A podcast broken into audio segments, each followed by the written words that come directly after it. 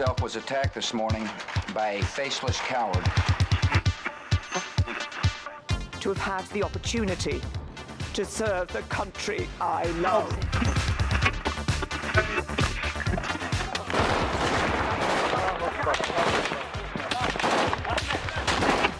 Den Einsatz für Frieden und Freiheit in Deutschland, in Europa und in der Welt. We will southern border. I beg you, please do not fail on this.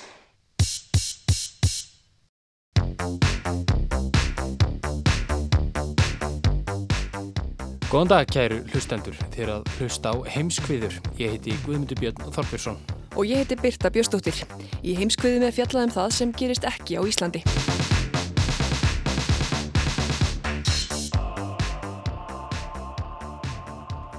Það eru nokkur landsvæði í heiminum undir í dag, ekki satt? Jú, meðal annars Indland og Norður Allandsaf. Og svo ætlað þú að fjalla um réttarhöld sem nú standa yfir en tegja ánga sinna víða, er það ekki?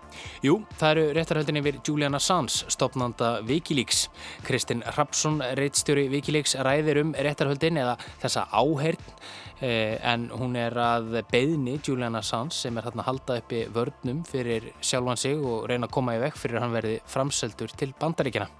Hann eh, ræðir við mig um þetta og hvernig niðurstaða þessara réttarhaldaði þessara áheirnar gæti haft áhrif á framtíð bladamennsku og tjáningarfrelsis í heiminum.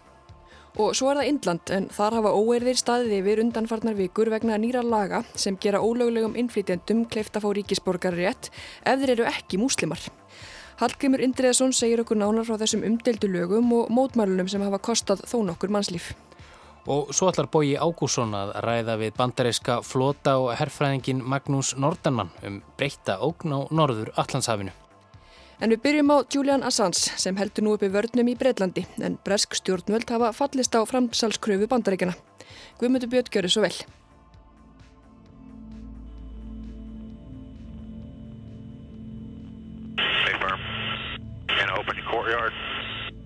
Yeah, Roger. I just estimated about 20 of them. There's, yeah. Oh, yeah. Þann 12. júli 2007 reyðust tvær Apache herþyrlur bandariska hersins á hóp manna í útkverfi Bagdad, höfðborgar Íraks. Talið er að alls hafi átján látist í árásinni, þar af tveir bladamenn Reuters fréttastofunar, Said Chimak og Namir Nul Eldin.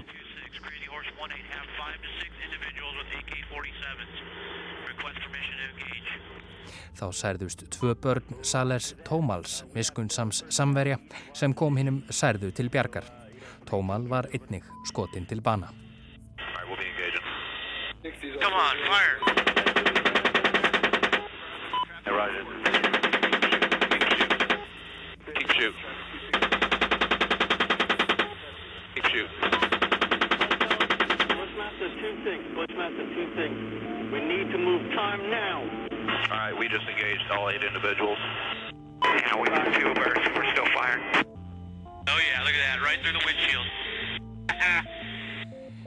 Hér heyru við bandaríska hermenn sem stjórnuðu árásinni státa sig af velhæfnari aðgerð. Upptakan er úr annari herþyrlunni og var byrt ofinberlega 5. apríl 2010 fyrir rétt tæpum 10 árum af uppljóstrunar samtökunum Wikileaks. Stofnandi þeirra, Julian Assange, hafði á þessum tíma vetursetu á Íslandi. Einn dag sáttu á kaffhúsunni yfir skólaðurastíði, málum menningu, með útsinni yfir fangaveikin á skólaðurastíð í Súldarraglanda og, og hann síni mér þyrrlósa myndbandi frá Bagdad, þetta einn á kaffhúsinu. Og ég hafði ekkert gáðulega að segja heldur en það að þetta veri serious shit eins og maður segir nú ennsku ekki sérstaklega óglemmanið komment en þetta var þetta svakar að horfa á Segir Kristinn Rapsson, fjölmjölamæður og nú reitstjóri Wikileaks. Kristinn hafði notið góðs af störfum Wikileaks ári áður þegar hann sem fréttamaður hér á ríkisútarpinu fjallaðum lánabók Kaupþings í umfjöllun sem byggð var á skjölum sem vefsíðan hafði lekið. Þegar að Sans voru nú orðnir málkunnýr og í framhaldinu af því að að Sans síndi kristni myndbandið af þyrlu árásinni sem síðar var kölluð því nöturlega nafni Collateral Murder. Ég læti ykkur um að snara því yfir á íslensku hlustendur góðir, unnu Rúf og Wikileaks samhliðað umfjöllunum málið. Flest okkar þekkja söguna. Assange hefur frá árinu 2012 dvalið í sendiráði Ekvadors í Lundunum til að forðast framsal til bandaríkjana. En á síðast ári hættu stjórnvöldi í Ekvador að halda hlífiskildi yfir honum. Hann var handtekinn og bresk stjórnvöld hafa samþygt framsalsbeðinni til bandaríkjana.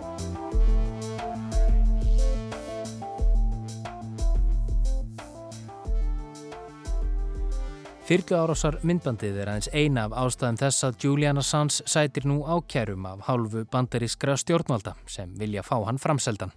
Málið er nú hjá lægsta domstíðinu í breska domskerfinu, þar sem lögumenn Assange held uppi vörnum fyrir hann í síðustu viku. To his many supporters, Julian Assange is one of the greatest journalists of his generation and they were out in force at the opening of his extradition hearing. Þá hófust nefnilega réttarhöldi hér að stómi í Woolwich í Lundunum þar sem framsalskrafa bandarískra stjórnmalda á hendur á Sands var rætt. Í raun væri réttar að kalla þetta áheirn fremur en réttarhöld þar sem þau eru jú að beðinni Julians Assange. En um hvað snýst málið?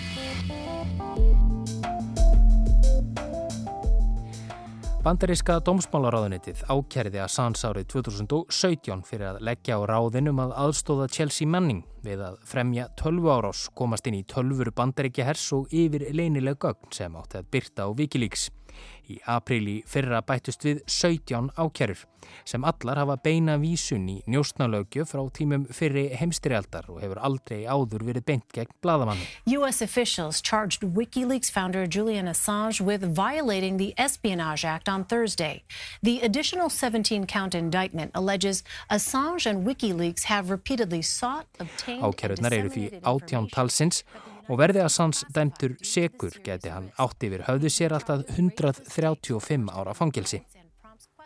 En sem fyrir segir snýst áheirnin í Lundunum ekki beint um þetta, heldur hvort fótur sé fyrir því að framselja að Sands til bandaríkjana. Innaríkis ráð þeirra breyta hefur fallist á kröfu bandaríkistjórnar um framsal og eina úrræði að Sands er því að fara með málið fyrir domstóla. Það kvílir á honum svo skilda að færa sönnur á það að það eigi ekki að framseila til bandaríkjana á grundvelli þessara ákjærvandriða. Hlið hefur verið gert á réttarhöldunum en þau halda áfram 18. mæ. Þangað til verður að Sands vistaður í Belmars fangilsinu í Lundunum á samt hriðiverkamönnum, fjöldamorðingum og öðrum stórkleipamönnum, líkt og allt síðastlið ár. Fangilsis vistin hefur haft mikil áhrif á Assange sem og vistin í sendiráði Ekvadors þar sem hann komst ekki undir bert loft í næri sjö ár. Kristinn heimsækir Assange reglulega í fangilsið. Ná, hann er alltaf breyst mikið vegna að það tekur sem tótt náttúrulega að vera í frelsisgerðingu í tíu ár með einum öðrum hætti og með stöðut það hangandi yfir sér nákvæmlega þessa hættu sem að síðan byrtist þarna í, í aprili fyrra með, með því að þessa ákjærur eru koma fram sem eru búin að vera að, að, að kræma undir öll þessi tíu ár. Við vissum alveg að þessu einhver tíampunkti það er ekkert lítið ála sem þetta skapar á einstaklinginu en það þjáist það náttúrulega af, þetta er tekið á hann og hann er náttúrulega uh, sjúklingur í dag. Við víkjum betur að sjálfum réttarhöldunum og ákæruliðunum á eftir en fyrst þurfum að fara aðeins aftur í tíman. Assange is in our headlines. He's in a London courtroom this morning. WikiLeaks founder is wanted on charges relating to the publication of classified documents. Then two journalists was on trial here. A US lawyer has told the court Julian Assange er stopnandi Wikileaks og var heimsþektur eftir að leinilegu gögnin sem Wikileaks lag komu fram í dagsljósið ekki síst þegar þyrlu árásar myndbandið var gert ofinbert í april fyrir tíu árum. Síðar sama ár var hann tekin höndum í Breitlandi í kjölfar ásakanam kynferðislegt ofbeldi í Svíþjóð. Sænsk stjórnvöld gaf út alþjóðlega handtökuskipun á hendur að Sands vegna ásakana um að hann hefði nauðgað konu og misnotað aðra í Stokkólmi í ágúst 2010. Að Sands hefur alla tíð haldið fram sakleysi sínu.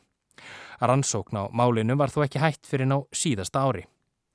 Það er ekki ætlunin að fara ofan í sauman á þessu máli sérstaklega hér sem var þó valdur að því að Assange leitaði skjóls og hælis hjá sendiræði Ekvators í Lundunum til að koma í vekk fyrir að hann yrði framseldur til Svíþjóðar og þaðan til Bandaríkina eins og fólk ótaðist. Þar naut hann fríðhelgi og dvaldi hartnær sjö ári hálgerðu stofufangilsi. Í apríli fyrra var þó breyting þar á þegar breskir laurugluþjónar fóru inn í sendiræðið og handtóku Assange.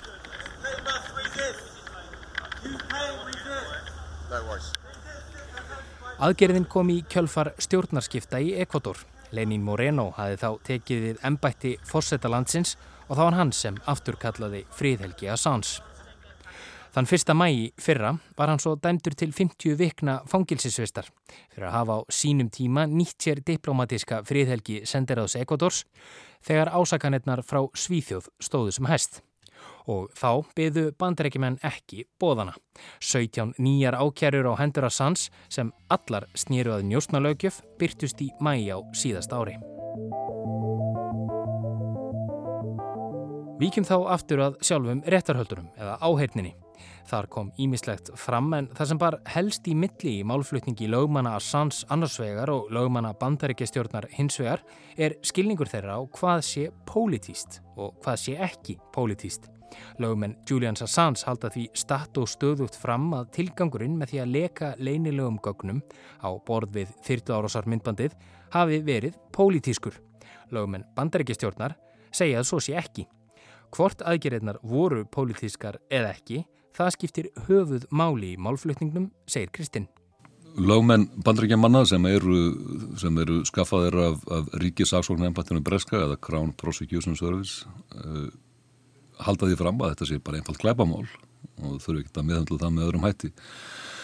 Það sem að uh, lögmenn Julian Sands er að sjálfsögða halda fram er að þetta sé uh, pólitíst ofstæki, það sé verið að fara á eftir honum út á, pólitísku fórsöndum og bara það eitt að þetta sé kallaða njósnir á stundablaða með sko í ákjöru skjálunu e, njósnir eru pólitísku glæpur það ber öllum heimildu saman um það í, í litteratúr lagana í Berlandi og víðar að, að, að, að njósnir er, er pólitíst afbrótt þá og þeir ein, einu ástæðu ber að, hafna þessu framsali vegna þess að framsalsamningur um millir bandaríkjum og breyta er með undan þá sem að aðkröfu bandaríkjumanna, þá var það sett inn að uh, það er engin framseldur á grundveldi þess að tvílega samnings uh, á grundveldi pólitískra brota. Þá halda lögmenn að sans því einni fram að ákjærur bandaríkjastjórnar feli í sér misnótkun á réttarfarsheimildum. Það er að umrætt njóstnalaugjöf og framsalssamningurinn séu nótuð til að ná fram pólitískum hemdum kakvart Julian Assange og Wikileaks. Kristinn kallar þetta pólitíst ofstæki í garð Assange vegna þeirra gagna sem Wikileaks byrti á árunum 2010 og 2011. Í augum bandaríkistjórnar sé hann high-tech terrorist eða hátækni hriðverkamaður. Með öðrum orðum, verk hans hafi enga pólitíska skýrskotun hann sé einungis skemdarvarkur. Því er haldið fram að, að þetta sé einfallega skemdar aðgerð já, af yllum hug og að, að það sé leint og ljóst og sínt að, að Julian Assange sé uh, andstæðingu bandaríkjana og ger, hafi leitað eftir því að gera allt sem að í hans valdi stendur til þess að valda bandarísku samfélagi skada. Það sé því gjörsamlega útilokað að hann hljóti réttláta málsmeðferði í bandaríkjunum farið svo að hann verði framseldur að mati Kristins sem segir það alránt að markmið vikilíks og tilgangur með því að byrta viðkvæm gögn sé ekki pólitískur. Eh, hvað er pólitísk markmið? Jú, það er til þess að mögulega breyta um stjórnvöld eða, eða fá stjórnvöld í einhver landi til að breyta stefnusinni og það segir alveg sjálft að þegar þú byrtir til að mynda upplýsingar um stríðsklæpi eins og við sannlega gerðum hann á 2010 að þá er uh, það undirleikjandi markmið og segir sér sjálft að það hefur verið að stöðva það að stríðsklæpið séu framtir og að menn sæti ábyrð fyrir stríðsklæpina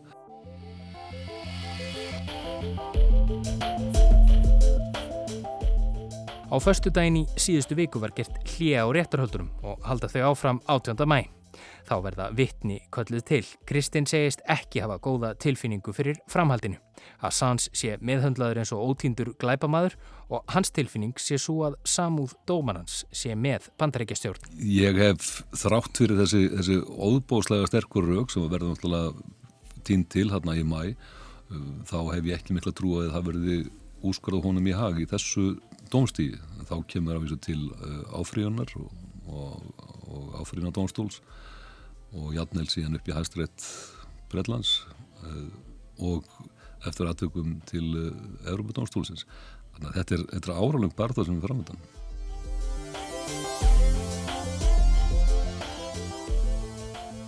En þá vaknar upp svo spurning, hvers vegna sækja bandarísk stjórnvöld málið svona hart? Hvaða máli skiptir þetta raunverulega? Í fósettatíð Baracks Obama var ákveðið að halda rannsókninni ekki áfram og höfða ekki mál á hendur Assange vegna spurninga sem vöknuðu um hvernig þetta líta á sakhæfi þeirra fjölmiðla sem störfuðu með Wikileaks. Ekki væri hægt að gera greinarmun á byrtingu skjala frá Wikileaks og þeim fjölmiðlum sem unnu með þeim, eins og til að mynda rúf. En í tíð Trumps veriðist áhugin á Assange og máli Wikileaks hafa fengið byr undir báða vangi. Löguminn Assange greindu frá því síðustu viku að Dana Rorabacher, þingmaður republikana frá Kaliforníu, hafi bóðið Assange árið 2017 að losna undan ágangi bandarískra stjórnalda og að hann erði ekki sóttur til saka, gegn því að Assange segði að rússar hefðu ekki haft neitt með tölvupóstleika demokrata í aðdraðanda fósettakostningana 2016 að gera. Því átti Assange að hafa neitað og þá hafi bandaríkin lagt allt kapp á að handsama hann. Kvítahúsið gaf út yfirlýsingu í vikunni þar sem þessum ásökunum er hafnað. Og hér má ekki gleyma hlut Mike Pompeos sem nú gegnir ennbætti utaríkisarráþra bandaríkina. Trump gerði hann að yfirmanni bandarísku leinithjónustunar CIA í janúar 2017. Gengdi Pompeo því ennbætti fram í april 2018 þegar hann varð utaríkisarráþra. Í fyrstu opinberu ræðu sinni sem yfirmaður CIA sagði Pompeo að bandarísku samfélagi stafaði hætta af samtökum á borð við Al-Qaida og Wikileaks. Individuals such as Julian Assange and Edward Snowden seek to use that information to make a name for themselves. Og þau væru skilgrein sem fjandsamleg njóstnaþjónusta. Wikileaks walks like a hostile intelligence service and talks like a hostile intelligence service. And has encouraged its followers to find jobs at the CIA in order to obtain intelligence. It's time to call out WikiLeaks for what it really is a non state hostile intelligence service, often abetted by state actors like Russia. Og svo er það Ekvator. Assange nöyt eftir allt saman friðhelgi í sendiráði Ekvators í Lundunum í næri sjö ár. Allt þar til Lenin Moreno tók við völdum í landinu. Hoy anuncio que la conducta irrespetuosa y agresiva del señor Julian Assange Ópenber skýring ekvatorskra stjórnvalda er svo að Assange hafi verið vannþakklátur frekjuhundur sem hafi látið öllum íllum látum í sendiráðinu. Helsu hans hafi rakað og dvöl hans hafi verið kostnæðarsöm fyrir ekvatorska ríkið og svo framvegis. Það hefur verið látið í veðri vaka að bandarísk stjórnvöld hafi viljað semja við nýja fórsetan um að láta Assange í hendur bandaríkjana gegn því að landinu er því veitt skuldanýðurfelling og fjárhagsaðstóð. Í februar á síðast ári fekk Ekvator 4,2 miljardar dollara lán frá alþjóða gjaldirisjónum til að berjast við verbolgu í landinu. Fyrrum fórsetilandsins, Rafael Correa, saði þá að skilirðin fyrir láninu hefði verið að Assange yrði látin laus. Hvort þessi kenning á við raukað stiðjast skal ekki fullirt hér en það er ljóst að stefnumbreyting Ekvatora gafkvært Assange var snörp og átti sér snöggan aðdraðanda. Burtsið frá því hvað verður um Julian Assange, burtsið frá því hvort hann haldur geðheilsunni eða lífinu eða hvort hann fær aftur að líta gladan dag sem frjáls maður, er ljóst að málaferðli bandarækjastjórnar gafkvart honum snúast um meira en bara hann. Kristinn Rapsson telur að það fordæmi sem verið sé að setja sé graf alvarlegt. Allir hafa bent á það sem að vilja skoða þetta í í kjölum, hvort sem það er alltíðarsamband blaðmanna, Európa-samband blaðmanna, einstök blaðmanna, félög, mannendasamtök, amnesti, uh, frettamenn án landamæra, uh, artikul 19 og fleiri fleiri samtök hafa bent á það hvaða fordæmi er að setja þarna. Í fyrsta lagi sé þetta fordæmi um þá lögsögu sem bandaríkistjórn tekur sér. Sem er heimslögsaga þetta er skýrt og klárt, þeir er, er heimta framsal á Ástrala sem að byrtur upplýsingar ekki í bandaríkjurum, heldur í öðrum lögsagnundafum, í Brellandi, í Þísklandi, Svíðþjóð og á Íslandi. Uh, við segjum, ef að þetta fórtan með sett, með svona skýrum hætti, þá er engin bladamadur, neinstaðar örugur en að fjallum þjóðuríkismál. Ef hann er fjallum eitthvað sem að bandaríkjumenn telja sig koma, koma sig illa, að þá mun, mun, mun bandaríkjustótt fara á eftir þeim. Þannig að það er það fordæmið sem er alvarlegt fyrir alla bladamenn í heiminum. Sem fær okkur þá til að spyrja. Snýst þetta mál þá um framtíð bladamennskunar? Það er reynlega verið að grafa undir grundvallar réttundum, ekki bara bladamennskunar heldur í raun og sanni í víðara samhengi.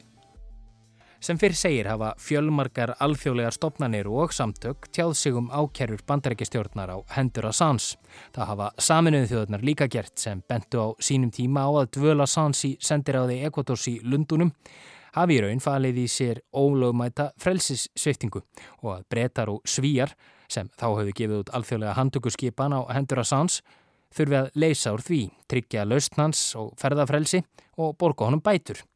Það var aldrei gert. Lögmenn bandarækjastjórnar hafa svo sagt að skoðun saminuðu þjóðana hafi ekkert gildi í málflutningi þeirra gegn Assange. Það er eitt af þessum að byrtast í þessu, þessu bæði réttarhaldur núna á, dögunum og í þessu ferli máls í bresku dómskerfi að uh, þeim er eiginlega bara nokk sama þó þeir rústi alþjóðlegum skuldbendingu sínum og hennu viðkama pólitiska uh, jafnaði sem að hefur náðust í gegnum alþjóðalög sem er sjálfsögðu pólitíki ælisinu og einungis, hafa einungis gildi ef að menn ákvaða virða mm. uh, tilvist þeirra og fara eftir þeim. Alþjóðalög eru emitt nokkuð hugleg, ekki satt, og virðast bandaríkin gerast segum að virða þau að vettví eins og önnu ríki að sjálfsögðu. Þau eru viðmið þar til þau eru brotin.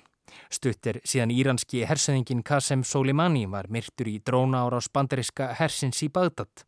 Kristinn segir engan eðlismun á slíkum aðgeðum og því þegar sáti arabísk stjórnmöld stóðu morðin á bladamannum Jamal Khashoggi sendir á því sáti Arabíu í Istanbul á síðasta ári.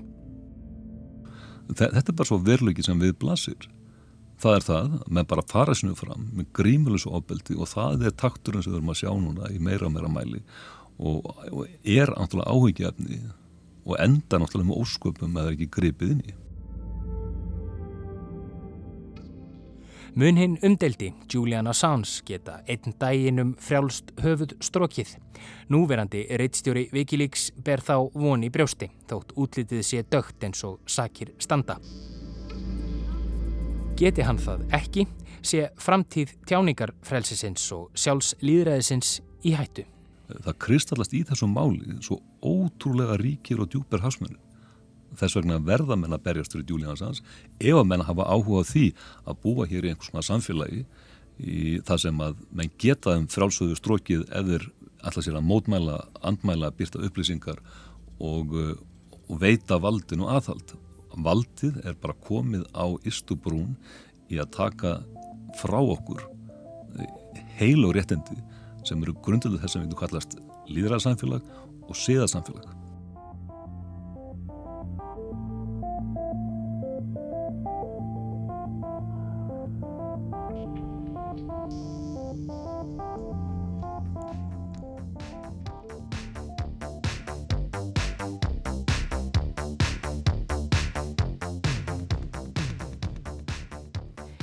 Mannskeiðar óeirðir hafa verið í Delhi, höfuborg Indlands undanfarnar vikur vegna nýra laga sem gera ólöglegum innflytjandum kleifta fór ríkisborgar rétt ef þeir eru ekki múslimar. Þeir hafa lengi viðir jáðarsettir í landinu. Lagasetningin tengist líka sögulegum flótta múslima frá nágrannaríkjónum og baráttu núverandi stjórnvalda til að halda völdum. Hallgrimur Indriðarsson tekur nú við.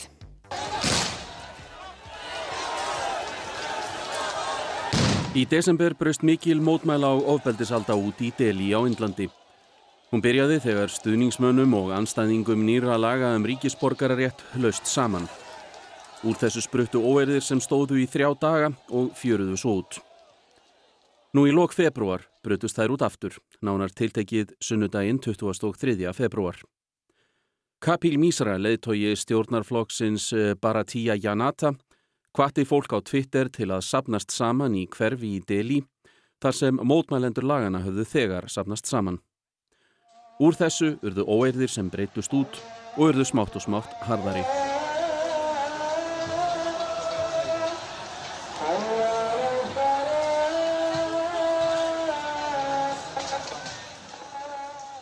Mánudagsmorgunin 24. februar kom Donald Trump bandarækjafósetti í tveggja daga ofinbera heimsók til Indlands í bóði fósattisáþerans Narendra Móti. En ekki er vita til þess að mótmælinn hafið tröflað þá heimsók neitt. Namaste. Namaste. And hello to India. 46 létust í þessari mótmælaöldu sem gerir þetta að einum mannskæðustu óerðum í ára tugi á Indlandi.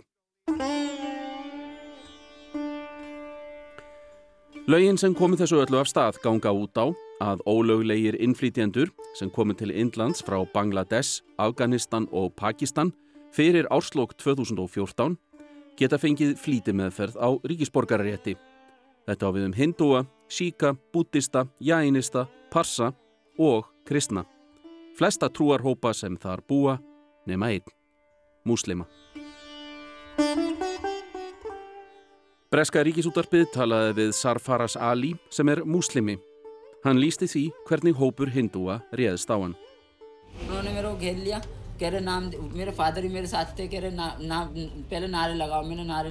Þeir umkringdu mig og föður minn og skipuð okkur að hrópa slagorð hindúa Hill Guðinum Ram. Þeir spurði mig um skilríki. Ég gaf þeim upp falskt nafn svo að þeir vissu ekki að ég var í muslimi. Eitt mannana tók hjálminn minn af mér og annar sló mig í höfuðið með stöng.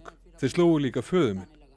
Þeir hendu okkur af vélhjólunum okkar, kveiktu í þeim og börðu okkur í drikklanga stund. Þeir réðust aðeins á muslima eftir að þeir fengun upp þeirra. Þeir letu alla hindúa í friði.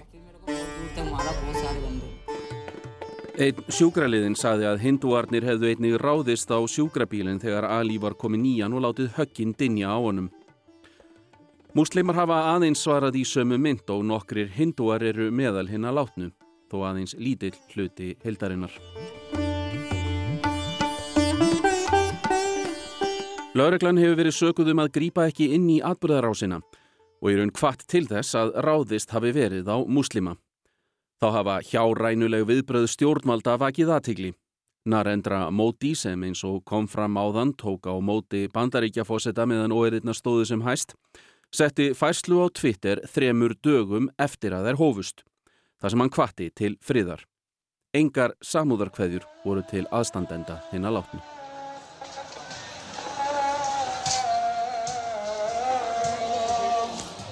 Þessi mótmæli hafa haft alvarlegar afleiðingar. Þúsundir kvenna og barna af íslamskum uppruna hafa mist heimili sín. Það eru einmitt dæmi um að konurnar hafi verið teknar sérstaklega fyrir. Þriðjutægin 25. februar var til að mynda ráðist inn á nokkur heimili þar sem einungis konur og börn voru heima við. Karlarnir voru á trúarsamkomu annar staðar í borginni og því bendir allt til þess að valið á þessum heimilum hafi ekki verið tilviljun. Kveikt var í húsunum bæði vestlunum og heimilum og mörg þeirra brunnu til grunna. Dæmi voru um að hindúar hafi komið þeim til bjargar með því að segja æstum múgnum að konurnar væru hindúar. Menn hafa þó einnig sapnast saman til að styðja lögjöfina. Þá hafa verið hrópuð slagór á bord við hættið að drepa hindúa, þá þarf að stöðva íhata og svo framvís.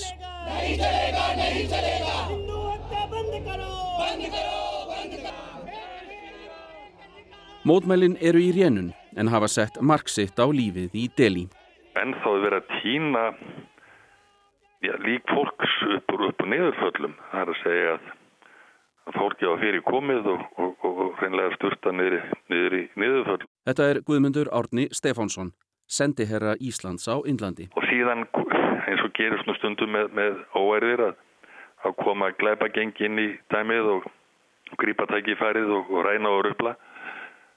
Þannig að það var ótti í borginni, Ma, maður skinnjaði það, þetta var að vísu á, á tilturlega afmörkuðu svæði í þessari borg sem að telur um 27 miljónir manna en, en einhverja síður skinnjaði það á, á, á mínu samstagsfólki hér í sendiráðinu þessi endverju sem hér vinna að, að, að þeir voru óttasleiknir og voru ekki vissir um það hvað það ekki við.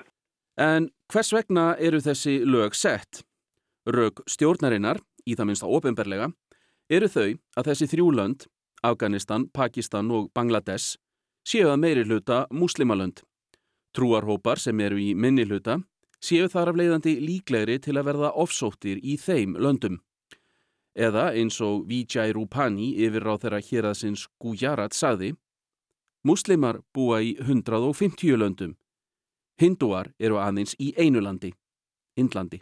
Móti hefur auðvitað reykið sína pólitík sem er svona miðhægri flokkur á, á því að, að, að beðla til, til hindúa og, og, og verið býstna brattur í því að, að nota muslima sérstaklega sem, sem, svona, sem anstæðinga gegn saminuðu Indlandi. Guðmundur Átni segir að ástæðurnar geti verið fleiri fyrir Móti og hans flokk BJP en bara deilur milli hindúa og muslima. Þær geti verið af pólitískum toga, hreinlega viðleitni til að halda völdum. Starrendinu svo að, að þótt að flokkur Mótis fórsættur ára hafi unni hér gríðalega stóran sigur í kostningunum 2019 og hann viðhjálpar völdum sínu með, með auknum meiriluta. Þá hefur hann ekki tekist að að ná tangvarhaldi á höfuborginni Delhi. Þar voru kostningar fyrir örfáum vikum og, og uh, flokkur sem er kallar AAP sem er svona með vinstri flokkur og, og, og mikill anstæðingaflokkur móti náði hjæltar völdum í, í, í þriðaskiptið í, í röð. Þannig að það er gríðalið tókstreita milli ríkistjórnarinnar sem er að ríkistjórnarnu auðvitað og, og valdhafana hér í deli. Þetta leiðir af sér að borgar yfirvöld og ríkistjórn kenna hvor öðru um að óeirðirnar hafi gengið jafn langt og raunber vitni. Ásakanirnar hafa reyndar komið víðar að á hendur lögreglu sem ríkið stýrir. Hún hefði lítið gert til að koma í veg fyrir þessar árásir á muslima. En lögjöfin hefur íft upp mörg gömul sár sem rekja má allt til sjálfstæðisbaráttu Indverja frá bretum. Indland og Pakistan sem áður voru sama ríkið voru aðskilin árið 1947. Pakistan varð ríki muslima á meðan Indland varð blandaðra. Það var til þess að muslimar og hindúar sem voru raungu megin við landamærin mistu heimili sín og við tóku fólksflutningar miljóna manna millilandana þar sem fólk flúði til landsins þar sem það taldi sig örugast. Indland samþykti þó stjórnarskrá árið 1950 þar sem fram kemur að ríkið sé opið öllum trúarhópum. Það sést kannski á því að þrátt fyrir að Indland sé ekki skilgreint sem muslimaland eru muslimar næst fjölmennastir í heiminum þar um 200 miljónir eða um 15% íbúa landsins. Þegar Indland og Pakistan urðu til var héröðunum Bengal og Punjab skipt á milli Indlands og Pakistan eftir því hvar múslimar voru í meiri hluta. Í Bengal héröðinu byggu margir trúarhópar, ólít því sem gerðist annar staðar í Pakistan. Þar í landi höfðu íbúar héröðsins ekki sömu möguleika á aðrir til að komast í valdastöður og jafnvel áttu sér stað skipulaðir fjármaksflutningar frá héröðinu til annara staða í landinu. Kornið sem fylti mælin var svo þegar flokkur Sheikhs Mujibur Rahman, eða Mujib eins og hann var kallaður, fekk mest fylgi í kostningunum í Pakistan 1970 sem jafngildir almennt því að flokkurinn fái fósætis á þeirra ennbættið þar í landi. En flokknum var aldrei bóðið stjórnarsamstarf. Hér aðið krafðist í kjölfarið sjálfstæðis og lísti síðan yfir stopnun ríkisins Bangladesh í mars 1971. Þar með hófst frelsistríð Bangladesh sem var afar blóðugt og íbúar þess voru kerfispundið myrtir.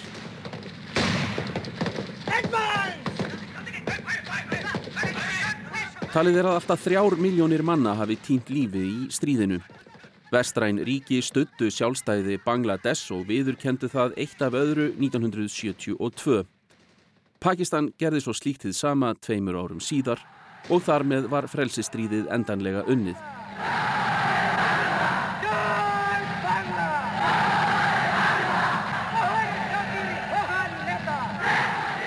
Mujib varð fósættisáþra hins nýja ríkis en stjórn hans var ekki ávísun á sérstakann stöðuleika í Bangladesh, en það er önnur saga.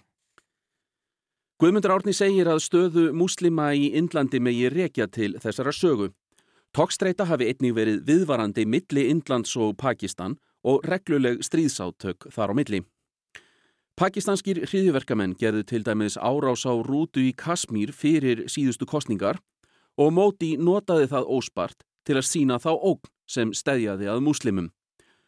Og menn hafa bent á að þetta er ekki alveg í anda indvesku stjórnaskrárinar sem boðar jafnræði milli trúarhópa. Menn hafa talsverð áhyggjur af þessari tóntegund mótis að, að mismuna trúarhópum með, með þessum hætti en en eh, og, og, og til hvers það, það munin leiða en, en aðri segja nú hins vegar að, að þetta sé nú kannski meira og minna svona pólitík dagsins í dag að hann sé reynlega tryggja völd sín á áhrif en, en ekki endilega ráðast til aðlugu gegn öðrum trúarhópum í, í landinu og, og það má heldur ekki gleyma því eins og samhengi að, að þrátt fyrir þessi róstur og, og og vandamáli í gegnum tíðin að þá er, er Indland líðræðisríki, það lang, lang starsta í heiminum.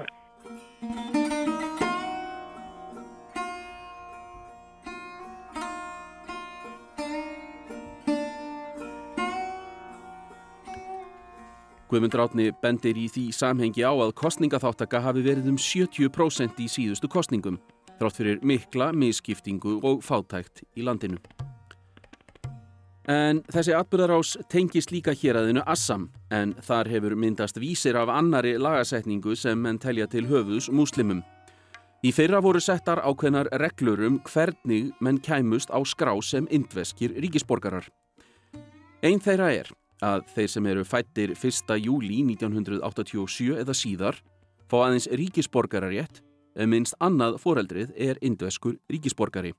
Sem sagt, Ef báðir foreldrar voru ólögulegir innflytjandur, fær viðkomandi ekki ríkisborgararétt.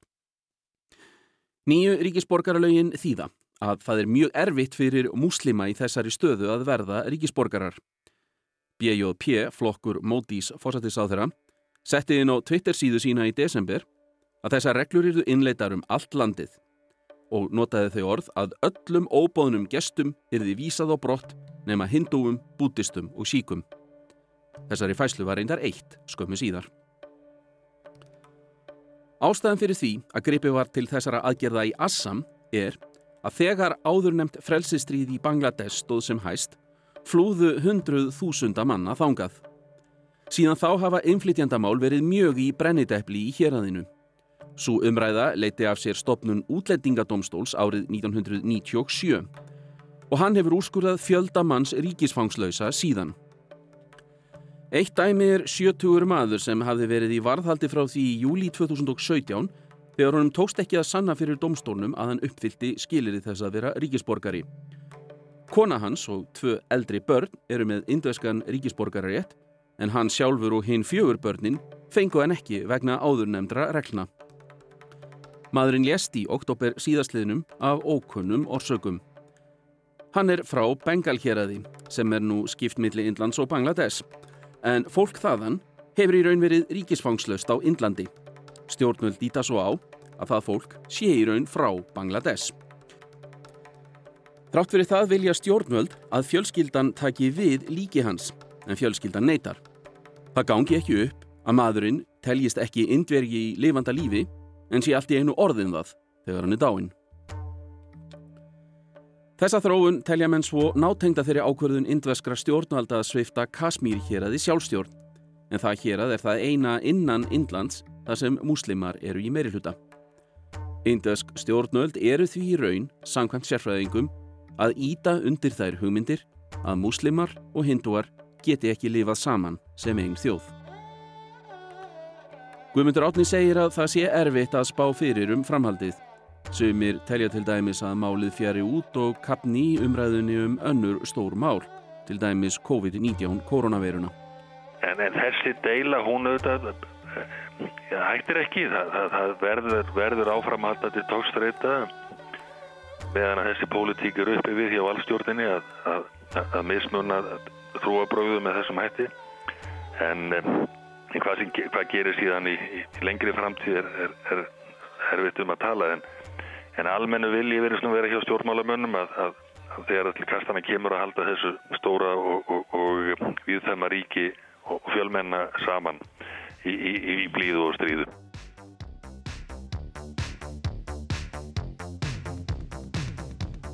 Norður Allandshaf hefur ætíð haft mikla hernaðarlega þýðingu. Á tímum kaldastriðsins óttuðust þjóðir Allandshafs bandalagsins mjög að sovjerski flotin riðist á flutningaleiðir frá bandaríkunum til Evrópu.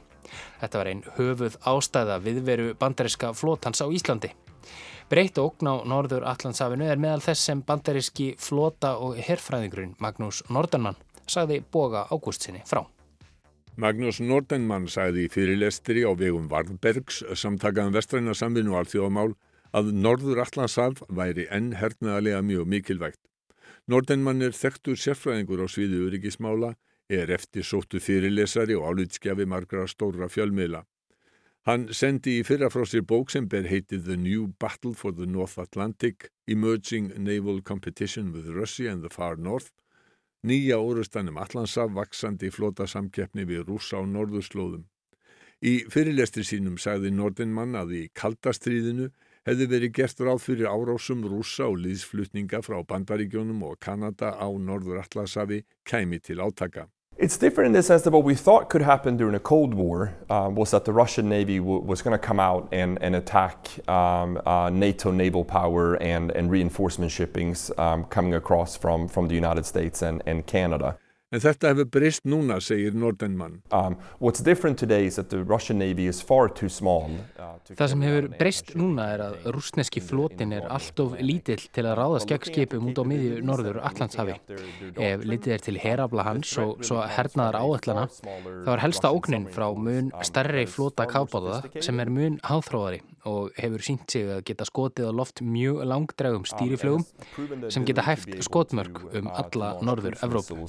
Really Það sem hefur breyst er að rúsneski flotin er allt of lítill til að ráðast gegn skipum út á miðju norður Allandsafi ef litið er til herabla hans og svo hernaðar áætlana þá er helsta ógnin frá mun smerri flota kavbáta sem er mun háþróaðri og hefur sínt sig að geta skotið á loft mjög langdrægum stýriflögum sem geta hæft skotmörkum alla norður Evrópu.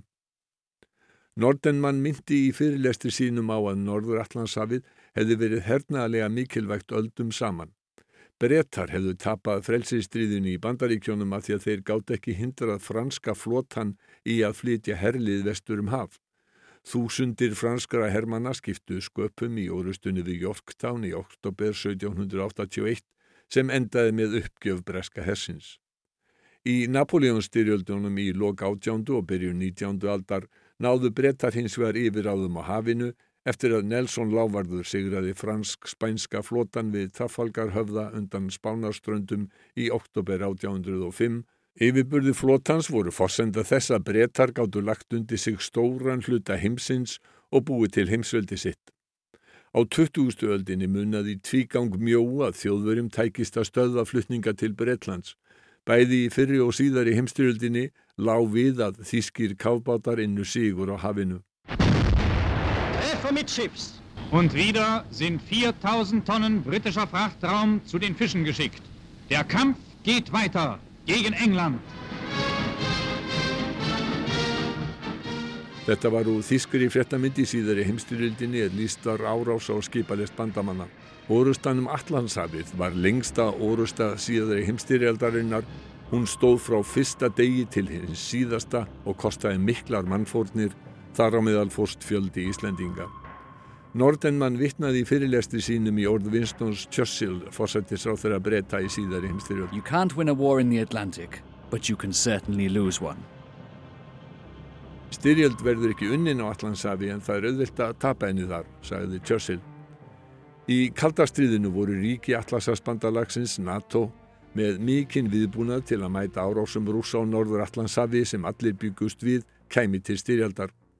Fjöldi herskipa í flótum NATO-ríkja var hannaðu til þess að berjast gegn kavbátum, ekki síst tundur spillar og freigátur í bandarísku og bresku flótonum. Hlustunar kaplar voru lagðir þess og kruss á botni allasafsins og í lofti fyldust eftirlýsflugvilar með. Keflavíkustöðin gengdi mikilvægu hlutverki í eftirlítinu með siglingum sovjerska kallbáta.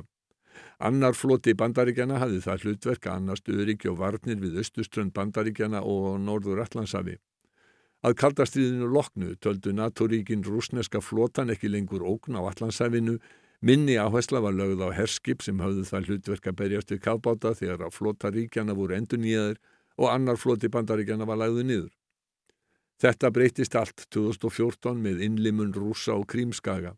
Allt viðhorf til öryggismála var endurskoðað, þar á meðal ógninn við flutningaleiðir yfir Norður Allandsaf. Annar floti bandaríkjana var virkjaður á ný En hvernig hefur NATO brúðist við nýri ógn á Allandsafi? So NATO is, is, is currently underway with, with, with building that counter um, and I think there's, there's been some really promising developments in terms of setting up a new headquarters, uh, reinvesting in, in capabilities such as maritime patrol aircraft and new frigates um, and, and so on but I think there's more work that needs to be done. NATO-ríkin er að bregðast við núna og margt lofar góðu, nýjar aðalstöðar hafi verið settar á fót Fjármunum er varið í nýjar eftirlitsflugvilar og freikátur og svo framvegis en ég held að það þurfi að gera meira, sagði Magnús Nordenmann. Atikli bandaríkjana beintist frá Evrópu og Allandshafinu eftir kaldastriðið og margir í Evrópu hafa dreyið í Eva vilja núverandi stjórnvalda í Washington að verja álfuna. Nordenmann segir að líta verði á aðgerðir og viðbúnað bandaríkjan manna. Haft er að orðtæki í Ameríku að stefnan sé það sem njóti fjárstuðnings. Ef það er haft í huga að evróska fælingar frumkvæðið kostar 5 miljardar dala árlega og það greiðir fyrir veru bandarækjamanna í Evrópu og svo viðhald á grunnstóðum í Evrópu. Það eru vaksið úr 500 miljónum í upphafi í 5 miljardar nú. Ef stefna er það sem fær fjármögnun þá er þetta sannarlega stefnan. Um, if, if um, then this is certainly policy.